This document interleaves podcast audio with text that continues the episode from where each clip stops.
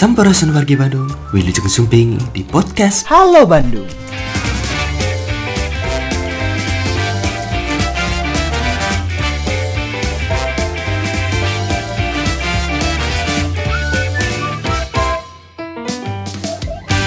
Selamat pagi Pak Ginkin, sehat Bapak? Kita sapa wargi Bandung pagi hari ini. Iya, makasih. Sehat ya Alhamdulillah. Pak ya? Alhamdulillah. Mau bilang sehat agak flu ini makanya saya hati-hati. Saya juga kakinya keseleo, tapi semangat ya ketemu wargi Bandung mah ya Pak ya? Iya, harus. Harus terus informasinya untuk masyarakat. Oke. Dan pada pagi hari ini kita akan membahas mengenai perkembangan program Buruan Saya dan juga program Gerakan Menanam Pohon di Kota Bandung. Nah, Bapak kita tahu ya Pak kalau bahas mengenai Kota Bandung dan program Buruan Saya, berikan aplaus dulu dong yang meriah. Kemarin ya eh, Wakil Presiden Republik Indonesia Bapak Maruf Amin ini ya datang ke Bandung dan mengapresiasi luar biasa Bandung menjawab ini karena kita tahu Bandung ini punya program buruan saya berikan aplaus yang meriah dong teman-teman. Ini dapat apresiasi loh Pak. Jadi kemarin Bapak eh, Wakil Presiden itu datang langsung melihat kondisi buruan saya. Dijelaskan dulu dong Pak Gingin informasi ke masyarakat seperti apa sih apresiasi dari pemerintah pusat silakan. Iya, terima kasih. Jadi eh, kita juga sedikit terkejut begitu ya, tapi di satu sisi bangga bahwa ternyata eh, buruan saya sudah mendapatkan perhatian dari pimpinan negara gitu. Jadi kalau bicara apa ya eh, kenapa buruan saya itu menjadi salah satu yang ditunjuk atau dikunjungi. Jadi pada saat awal eh, akan ada kunjungan Pak Wapres dengan mencari satu model pendekatan eh, pemberdayaan masyarakat dan pemulihan ekonomi di masa Covid yang cukup berhasil. gitu. Jadi awalnya kita tawarkan beberapa eh, lokasi termasuk beberapa model. Pada akhirnya eh, beliau menunjuk untuk mengunjungi buruan saya ya khususnya yang ada di lokasinya di Pajajaran. Jadi di eh, kawasan Pajajaran ya Pak lokasinya. Ya, Pajajaran. Itu memang lokasi yang sudah cukup established begitu Pak, sudah cukup lama Bandung- eh, buruan saya di sana atau bagaimana? Iya, dari sekitar 234 hari ini kelompok buruan saya yang tersebar di Kota Bandung. eh, kelompok buruan saya Pajajaran ini salah satu yang kelompok yang boleh dibilang cukup berhasil atau bahkan paling berhasil. Paling berhasil. Paling berhasil wow. bahkan mungkin juga kelompok yang merintis sejak awal dari tahun 2014 yang dulu eh, kampung berkebun berkembang dan ini banyak menjadi percontohan dan memang dari sisi selain tadi aspek pemberdayaan dari sisi lokasi pun unik gitu. Uniknya kenapa tuh Pak Gengkin? Eh, jadi Pajajaran ini khususnya di RW 3 dan RW 4 ini dibelah oleh satu sungai, Sungai Dibelah, Cilimus huh? namanya Ya, di tengah pemukiman yang cukup padat. Nah, sungai itu yang awalnya dijadikan tempat pembuangan sampah, kondisinya bau, disulap menjadi media untuk bercocok tanam. Oke. Itu yang jadi menarik itu jadi sungai yang tadinya kotor, berbau, tempat sampah sekarang menjadi tempat budidaya berbagai jenis pangan. Kemudian yang menarik masyarakat menjadi enggan untuk membuang sampah bahkan melakukan eh, apa buruan saya ini di tempat atau di rumahnya masing-masing dan ini menjadi budaya masyarakat di Kelurahan Pajajaran khususnya RW 3 dan RW 4 ini. Oke. Itu yang akhirnya membuat pemerintah pusat pun mengapresiasi Kota Bandung ya Pak. Luar biasa loh ini. Ini betul-betul artinya pemerintah pusat eh, baik itu dari Bapak Wakil Presiden sepenasaran itu ingin lihat seperti apa kondisi di Pajajaran begitu ya Pak ya. Betul. Oke. Seme- eh, sebelumnya kita sempat menawarkan alternatif lain, Iya. eh, termasuk eh, apa pertimbangan lokasi gitu. Tapi justru eh, beliau sendiri Pak Wakil Presiden yang menunjuk dan tetap ingin memilih eh, Pajajaran sebagai tempat yang dikunjungi. Itu yang menarik. Boleh kita berikan tepuk tangan? Ya artinya Bapak Wakil Presiden itu betul-betul bertekad ya ingin melihat kondisinya seperti apa buruan saya. Mungkin ini juga agar menjadi percontohan dan inspirasi bagi daerah lain begitu ya Pak Iya Ginting ya? betul. Beliau eh, cukup terheran dan kagum dan sempat mengatakan tidak menyangka kota Bandung sebagai kota besar yang sebagian besar mungkin orang tidak punya asumsi atau pemikiran akan ada hijauan atau pertanian gitu. Dan pada saat itu beliau menginstruksikan akan menginstruksikan beberapa kementerian terkait untuk dijadikan model di kota Bandung itu dijadikan juga untuk di kota-kota lain. Oke, menariknya ya Pak Gen-Gen. Ini itu Iya. di tengah kota ya, di Betul. kawasan Pajajaran loh. Tapi masyarakatnya ini berdaya artinya untuk bisa eh, mungkin memenuhi kebutuhan pokoknya dari eh, yang mereka tanam di sekitar rumahnya sendiri. Misalkan seperti itu ya Pak Iya, ya. di sekitar rumah dan yang menarik di rooftop. Jadi karena Di rumahnya itu rumah kecil, Iya. padat, eh, jadi hampir sebagian rumah itu eh, posisinya eh, vertikal gitu dan setiap Iya. pembangunan itu menyediakan rooftopnya untuk ditanami eh, berbagai jenis eh, pangan itu yang menarik. Itu yang menarik. Pak Gen-Gen, saya yakin ya untuk merubah kebiasaan masyarakat mau lebih berdaya lagi mengurus eh, mungkin kebutuhan pangannya di rumahnya masing-masing di lingkungannya sendiri gitu. Ini kan pasti proses yang Iya. cukup lama. Bagaimana sebetulnya pemerintah Kota Bandung kita sharing bersama wargi Bandung proses awal pemerintah Kota Bandung ini menginisiasi program beruang saya sampai akhirnya betul-betul direspon positif oleh masyarakat. Eh, iya. Sebelum ke situ ada informasi juga ini. Boleh Jadi silakan Pak. ternyata dari hasil kunjungan Pak Wakil Presiden itu benar ada tindak lanjutnya. Hari Sabtu besok tanggal 9 Ya.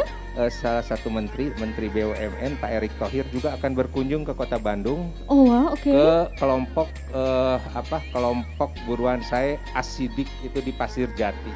Pasir Jati. Pasir Jati. Jadi, Oke. Barusan saya sudah confirm eh, H1 akan hadir Pak Erick Thohir mengunjungi salah satu kelompok yang memang itu kelompok juga dapat bantuan mendapat bantuan dari BUMN PLN. Jadi Luar biasa. satu bukti ternyata memang eh, ya eh, apresiasi dan peningkatan terus bergerak gitu untuk bagaimana. Luar biasa loh Pak. Apa awalnya akhirnya Pak Erick Thohir sendiri eh, berniat untuk datang ke Beruan saya? Apakah karena melihat hasil kunjungan dari Pak eh, Wakil Presiden atau seperti apa Pak Gen-Gen? Sepertinya salah satu itu gitu. Kemudian memang sekarang kita buruan saya sedang mengembangkan kolaborasi dengan berbagai instansi. Salah satunya yang sekarang sudah mulai mensupport melirik dengan CSR-nya itu dari PLN dan PLN tahun ini eh, memberikan bantuan penuh kepada dua kelompok di eh, Kota Bandung. Salah satunya kelompok namanya kelompok Asidik. Nah itu yang akan dikunjungi oleh Pak Menteri hari Sabtu tanggal 9 besok pagi hari. Oke, jadi Beruan saya itu bukan hanya ada di kawasan Pajajaran, tapi Iya. tersebar ya Pak ya. tersebar ada di di, Kota Bandung. 151 kelurahan. Jadi semua kelurahan sudah terisi oleh eh, model buruan saya. Jadi ada satu kelurahan malah hampir setengahnya itu RW-nya sudah terisi oleh kelompok buruan saya. Luar Nah. biasa. Tepuk tangan lagi dong teman-teman ya untuk Ya. program buruan saya. Tapi saya ingin tanyakan hal ini juga Pak. Kita tahu pandemi COVID-19 bukanlah hal yang mudah untuk kita lalui bersama-sama begitu. Bagaimana sebetulnya program-program unggulan dari Dinas Ketahanan Pangan dan Pertanian selama masa pandemi COVID-19 ini Pak? Ini sudah tahun kedua ya. Iya, Kita hadapi tahun bersama. kedua alhamdulillah. Jadi menyambung juga mungkin dengan pertanyaan tadi awal. Jadi memang konsep awal ini kita eh, bagaimana memberdayakan masyarakat untuk bisa berdaya, untuk bisa eh, aktif begitu melalui pengembangan eh, pangan atau yang kita sebut buruan saya. Jadi eh, konsepnya itu pemberdayaannya dulu gitu. Sehingga yang kita berikan itu kepada kelompok masyarakat yang memang sudah ada kemauan, sudah ada keinginan, kemudian kita perkenalkan eh, buruan saya ini menjadi bagian dari ketahanan pangan. Dan sekarang eh, memang ini yang menjadi apa kalau dibilang eh, PR besar kita bagaimana mempertahankan pemberdayaan ini tetap berlangsung. Karena kalau bicara buruan saya atau urban farming bicaranya keberlanjutan, harus berulang. Nah, ini yang kita coba kembangkan dan alhamdulillah di masa pandemi justru ini menjadi berkah tersendiri bagi kita Jadi berkah. jadi berkah. Wow. Jadi di saat orang mungkin eh, banyak tinggal di rumah, begitu aktivitas di rumah, nah, dengan memperkenalkan buruan saya orang lebih banyak eh, tertarik, gitu. bahkan minat itu bertambah besar, gitu. Karena ternyata selain memang hasilnya bisa diperoleh untuk konsumsi, ini banyak aspek lain yang gitu, masyarakat lebih guyup, lebih banyak bertemu, lebih banyak berkomunikasi sehingga tingkat kepuasan apa kebahagiaan pun meningkat dan aspek-aspek lain begitu yang eh, menjadi tempatnya eh, wisata, kunjungan, edukasi bahkan sekarang beberapa program dari OPD-OPD teknis di kita itu banyak memanfaatkan pemberdayaan di buruan saya ini menjadi tempat atau sasaran untuk perla- memperlakukan kebijakan atau programnya mereka. Luar biasa. Pak Genggir ini kalau kita bahas mengenai uh, pandemi dan berkah, ya kan? Ya. Ini di satu sisi mungkin orang banyak yang berusaha untuk bertahan di tengah-tengah pandemi ini bukan hal yang mudah, tapi justru menjadi berkah sendiri bagi DKPP. Yang saya ingin tanyakan sebetulnya, uh, berkah apa yang paling terasa begitu Pak? Apakah akhirnya kita juga uh, menyadari bahwa ternyata uh, masyarakat ini semakin berdaya lagi, semakin mandiri lagi, terutama untuk memenuhi kebutuhan pangannya. Karena kita lihat sekarang cabai begitu ya Pak, Iya. ya bawang gitu. Nah ternyata masyarakat malah tanamnya di rooftop rumahnya masing-masing, Iya. di atap rumahnya gitu. Iya. Bagaimana Pak Gini melihat hal ini? Iya, jadi eh, minat kalau bahasa saya masyarakat semakin aware gitu, semakin enggeh gitu dan mau untuk melakukan itu. Dan ini yang juga menarik itu berbagai kalangan, tidak hanya masyarakat eh, kecil atau ibu-ibu, sekarang berbagai kalangan dari usia sampai ke milenial sudah mulai untuk mengembangkan ini. Kemudian berkah lainnya ya dari perjalanan dua tahun ini kita sudah beberapa hampir ada lima penghargaan apakah provinsi maupun nasional yang menilai buruan saya ini sebagai sebuah inovasi yang menarik. Kemudian yang terakhir ya se- selain juga kunjungan Pak Wakil Presiden juga sekarang sudah mulai dilirik oleh dunia teh. Jadi Dilirik boleh- dunia, berarti artinya sudah naik ke tingkat atau level internasional Pak Gin Iya, Wow, jadi oke. eh, semenjak 2020 tanggal 6 Agustus Pak Wali Kota menandatangani sebagai salah satu Kota Bandung sebagai salah satu anggota namanya tuh MUFPP. Jadi eh, singkatan eh, Milan Urban Fact Policy Pact gitu apa ya. Jadi eh, kumpulan kota-kota dunia yang punya concern terhadap sustainability food dan kota Bandung dijadikan sebagai kot, salah satu kota Indonesia pertama bahkan ASEAN yang ikut eh, apa menjadi anggota itu dan kita sampai hari ini hampir sudah empat kali kita presentasi dan buruan saya itu menarik bagi eh, teman-teman kota-kota dunia khususnya Eropa untuk dijadikan sebagai ketahanan pangan. Boleh kita berikan aplaus untuk Kota Bandung ya. Tingkat internasional loh. Semua itu akhirnya melirik Kota Bandung.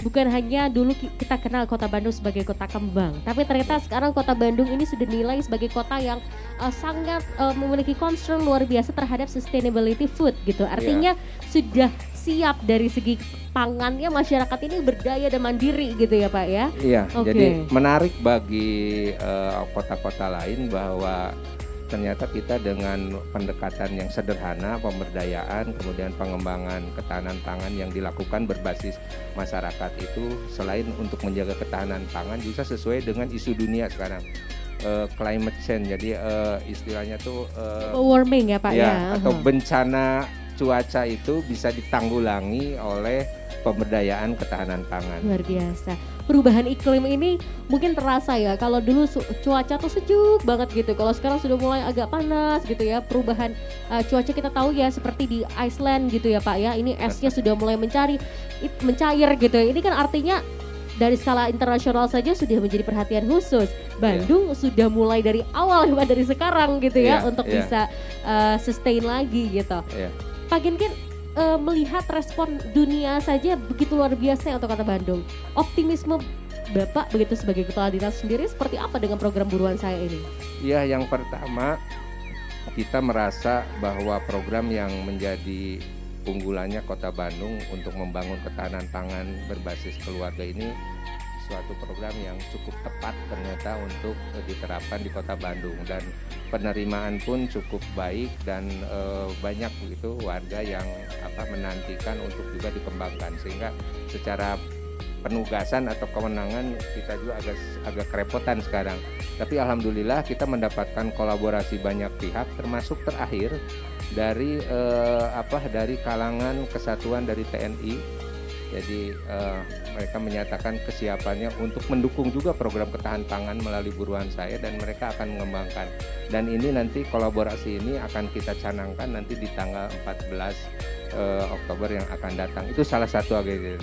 Jadi memang eh, support ini menjadi penting, kemudian juga instansi termasuk juga teman-teman media gitu yang memperbesar bahwa program buruan saya itu memang menjadi sebuah kalau saya keniscayaan yang memang harus dilakukan untuk Kota Bandung yang tidak punya lahan, ketergantungan pangan terhadap luar begitu tinggi begitu.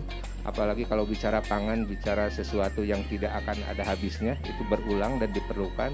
Sehingga saya pikir ini program yang tepat dan bisa menjadi rujukan juga untuk eh, program atau sinergi dengan program-program lainnya. Luar biasa, sinergitas dengan program lain, dengan program unggulan yang dimiliki oleh DKPP. Nah, selanjutnya saya ingin bertanya mengenai hal ini Pak. Kita tahu bahwa uh, program yang dihadirkan oleh DKPP juga adalah program gerakan menanam pohon. Nah, jadi selain masyarakat menanam cabai, menanam bawang di rumahnya masing-masing gitu ya.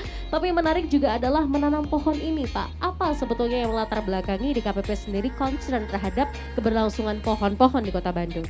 Iya, karena kalau bicara pangan kan sebetulnya bicaranya umum, tidak hanya pertanian atau tidak hanya sayuran, semua jenis pangan termasuk di situ buah-buahan. Nah ini buah-buahan menjadi salah satu bagian penting dari buruan saya. Nah kita punya program selain buruan saya yang terus berjalan juga kita punya bagaimana juga kita ingin mengkontribusikan kepada Kota Bandung untuk menjaga uh, uh, ruang terbuka hijau, kemudian menjaga hijau di Kota Bandung melalui uh, penanaman tanaman produktif yaitu buah-buahan dan ini tahun ini kita akan lakukan yang ketiga kalinya. Jadi namanya Bandung menanam jilid tiga. Nah jilid tiga ya. oke.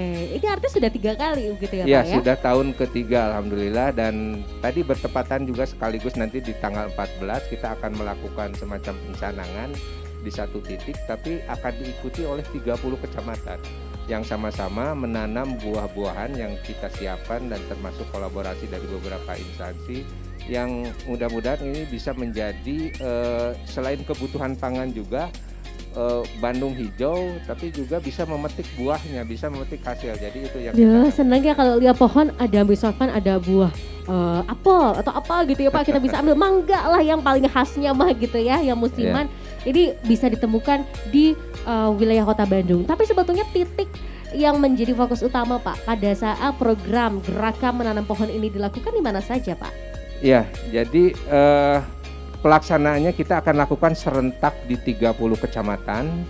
Jadi 30 termasuk beberapa instansi uh, swasta dan pemerintah. Termasuk yang tadi dari militer. Jadi kita sudah mengakomodir ada 8 kesatuan eh, TNI yang ada lokasinya di Kota Bandung yang juga akan ikut berperan. Nah, itu akan dilakukan secara serentak dan untuk launchingnya akan dilakukan di uh, perumahan De Marrakesh di Buah Batu. Oh, oke. Okay. Itu 14 ya, ya, Pak ya 14 Oktober. Tapi di situ tidak hanya acara penanaman pohon, ada rangkaian beberapa kegiatan yang kita namakannya tuh kegiatan itu rapatar. Oh. Jadi rangkaian aksi eh, uh, pangan lestari. Jadi kita ingin membangun bahwa apa yang kita lakukan ini menjadi sebuah kebiasaan, kesinambungan dan pada akhirnya lestari. Rafatarnya bukan rafatar anaknya Raffi Ahmad ya Pak ya. Ini mah rafatarnya programnya ya, gitu jadi ada ya. acara Bandung menanam iya, nanti iya. kemudian ada namanya tuh AMIH gerakan apa? mitigasi inflasi ya. melalui penanaman bawang merah dan ini juga bawang merah seperti kita tahu sebagai simbol tanaman yang memiliki nilai inflasi tinggi dan mempengaruhi ekonomi sebuah daerah, kita akan canangkan juga sebagai bagian dari buruan saya. Kemudian juga beberapa kegiatan lainnya penyerahan bantuan, kemudian tadi deklarasi atau e, dari teman-teman dari TNI untuk mendukung buruan saya, kemudian juga ada beberapa kegiatan e, apa pengukuhan kelompok, penguatan buruan saya dan sebagainya ini. Baik, kalau kita lihat uh, Bandung yang sering disebut sebagai Paris Van Java, orang banyak mengatakan Bandung ini seperti Eropa, Pak. Sejuk juga cuacanya gitu. Nah, kalau kita tahu Belanda misalkan punya khasnya bunga tulip. Nah, apakah Bandung juga punya rencana, Pak, seperti itu untuk memiliki bunga atau tanaman yang menjadi ciri khas dari kota Bandung? Ya, uh, sebetulnya ya uh, apa uh, eh, Bandung dijuluki sebagai kota bunga atau kota eh, hijau itu sudah mulai melekat. Dan kita ingin bahwa nanti ke depan tidak hanya bunga atau tidak hanya tanaman hijau tapi juga produktif. Sehingga eh, sebetulnya kita ingin punya apa ya? Punya keinginan bahwa Bandung itu juga identik dengan buruan saya gitu ya. Karena uh, selain uh, buruan saya ini sebagai pangan kebutuhan uh, konsumsi juga memang bisa menjadi sesuatu yang mengestetikakan kota gitu. Jadi itu yang kita angkat bahwa pertanian itu tidak hanya untuk konsumsi tapi pertanian juga bisa menjaga ekosistem penghijauan sebuah kota itu. Jadi tetap cantik gitu yeah. ya Iya. Pak ya, estetikanya juga terjaga gitu. Ya Pak Gingin kita tahu ini sudah uh, beberapa bulan lagi tutup tahun 2021 dan menuju 2022. Apa saja target ke depan yang ingin terus dikejar oleh DKPP sendiri? Iya, dari buruan saya ini karena ini menjadi sebuah uh, strategi tadi membangun ketahanan pangan, tentunya pada saatnya ini harus bisa menjadi budaya masyarakat warga Kota Bandung. Secara jumlah buruan saya kita akan terus tambah gitu. Apalagi Pak Wali sudah mencanangkan atau berharap bahwa setiap RW di Kota Bandung itu paling tidak punya satu kelompok buruan saya. Jadi ada 1597 kalau bisa bisa dibayar Per RW ya Pak per ya? RW Oke. paling tidak. Jadi itu kita memperluas dengan salah satunya memperbanyak kolaborasi. Keduanya yang mempertahankan kualitas karena eh, ini yang harus berkelanjutan berkesinambungan kita jaga termasuk bagaimana ke depan kita memikirkan bahwa buruan saya juga menjadi bagian dari nilai ekonomis eh, warga begitu sehingga bisa menambah pendapatan keluarga, mengurangi pengeluaran untuk pangan dan ini bisa menjadikan mungkin sebuah apa eh, bisnis yang baru gitu. Makanya kita akan coba mengembangkan buruan saya ini tidak hanya seperti yang sekarang, kita akan perkenalkan tanaman hias, kemudian hewan-hewan atau piaraan yang punya nilai bisnis sehingga perputaran ekonomi kemudian perputaran buruan saya ini terus berjalan. Dan yang terakhir kota Bandung ini juga karena sebagai sebuah kota jasa dan tidak punya pangan yang secara mandiri disediakan kita akan e, membangun atau mewujudkan Bandung sebagai kota aman pangan. Karena ini yang penting. oke. ya jadi ada jaminan bahwa pangan walaupun datang dari luar kota semua bisa dikonsumsi dalam keadaan aman dan e, menyehatkan itu yang menjadi konsep. tetap fresh gitu ya Iya. Pak ya untuk dikonsumsi masyarakat. 2022 juga karena hitungannya tiga, tiga bulan lagi gitu. Apa Iya. sebetulnya program yang mungkin ke depannya di tahun 2022 ini masih akan terus dilaksanakan, akan terus dikembangkan atau malah ada program baru sebetulnya Pak Ginkin? Boleh kasih bocorannya untuk wargi Bandung Pak Ginkin? Yang pasti konsep atau pengembangan buruan saya itu akan menjadi utama tentunya dengan berbagai variasi untuk penguatan eh, buruan saya gitu. Sehingga masyarakat akan lebih bergairah lagi untuk melakukan itu. Kemudian juga kita sekarang mendapatkan apa ya eh, amanah untuk bagaimana pemulihan ekonomi itu bisa dilakukan melalui pengembangan pangan buruan saya. Nah, ini juga menjadi konsen kita ke depan eh, bagaimana eh, pangan atau buruan saya ini menjadi bagian dari pemulihan ekonomi itu. Dan eh, beberapa kegiatan yang lain tentunya eh, kalau saya katakan cukup banyak sebetulnya yang bisa dilakukan karena yang namanya pangan itu sesuatu yang harus terus tersedia dan penguatan dari mulai sisi manajemen kemudian pengolahan sampai ke pengawasan itu yang akan kita lakukan ke depannya. Pak Gen-Gen, kita tahu mungkin masyarakat juga banyak yang eh, sangat penasaran. Sebetulnya bagaimana sih langkahnya untuk kita bisa memulai eh, menanam eh, mungkin tadi ya tanaman, bunga dan hal-hal lain yang dianggap juga cukup tinggi dari sisi ekonominya. Eh, kita tahu hidroponik ini heboh ya, sempat heboh juga ya di tengah-tengah masyarakat. Hidroponik, organik ya, apa pun yang berbau organik kayak masyarakat tuh wah eh, berbondong-bondong ingin konsumsi gitu. Ada tips tidak Pak dari eh, Pak Ginkin untuk masyarakat yang ingin memulai, ingin berencana untuk mungkin menanam hidroponik, tanaman, organik dan lain sebagainya di rumahnya masing-masing Pak Ginkin? Iya, saat ini sebetulnya sangat mudah informasi kita bisa peroleh bagaimana cara mengolah. Cuma memang yang penting eh, bahwa eh, masyarakat atau kita ini harus ada dulu kemauan untuk melakukan itu dan mau mencoba.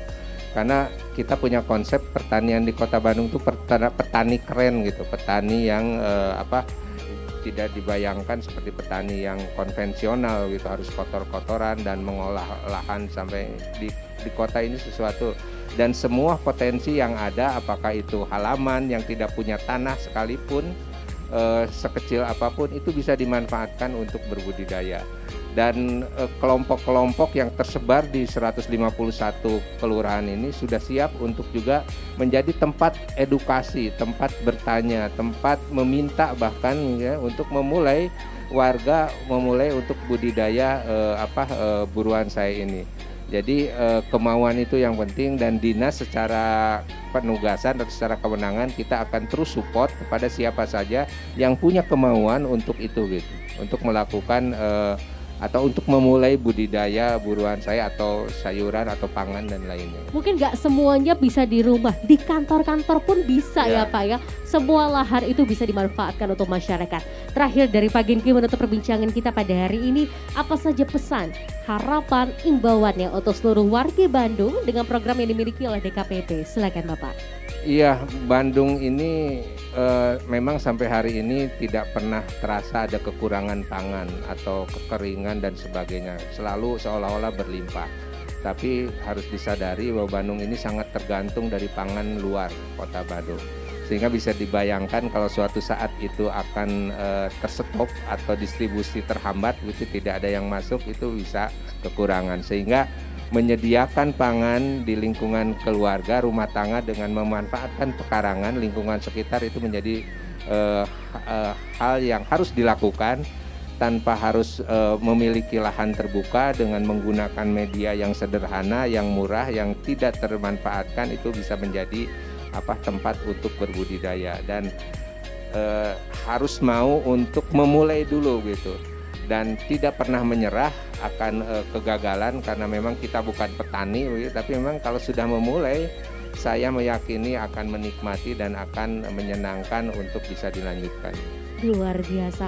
Boleh dong kita berikan aplaus ya Maria untuk Pak Gengkin pada hari ini selaku Kepala Dinas Ketahanan Pangan dan Pertanian DKPP. Kita harapkan Pak hari Sabtu nanti Menteri BUMN Bapak Erick Thohir yang akan berkunjung melihat buruan saya bisa sukses Pak, bisa Amin. jadi inspirasi baru untuk daerah ya. lain. Kota Bandungnya juga semakin maju program buruan sayanya dan kita berharap tentunya apa sudah disampaikan oleh Pak Gengkin juga menjadi inspirasi bagi kita semua bahwa di mana pun itu sekecil atau seluas apa pun lahan yang kita punya itu bisa kita manfaatkan baik dari sisi ekonomi saya juga cukup tinggi. Jadi kalau ibu-ibu mau cari cabai rawit, mau cari bawang, serai, daun bawang ya, gak usah ke pasar lagi, gak usah jauh-jauh di rumah sendiri juga bisa sebetulnya asal masyarakat mau berdaya dan mandiri dari sisi ketahanan pangan. Terima kasih Pak Gengkin.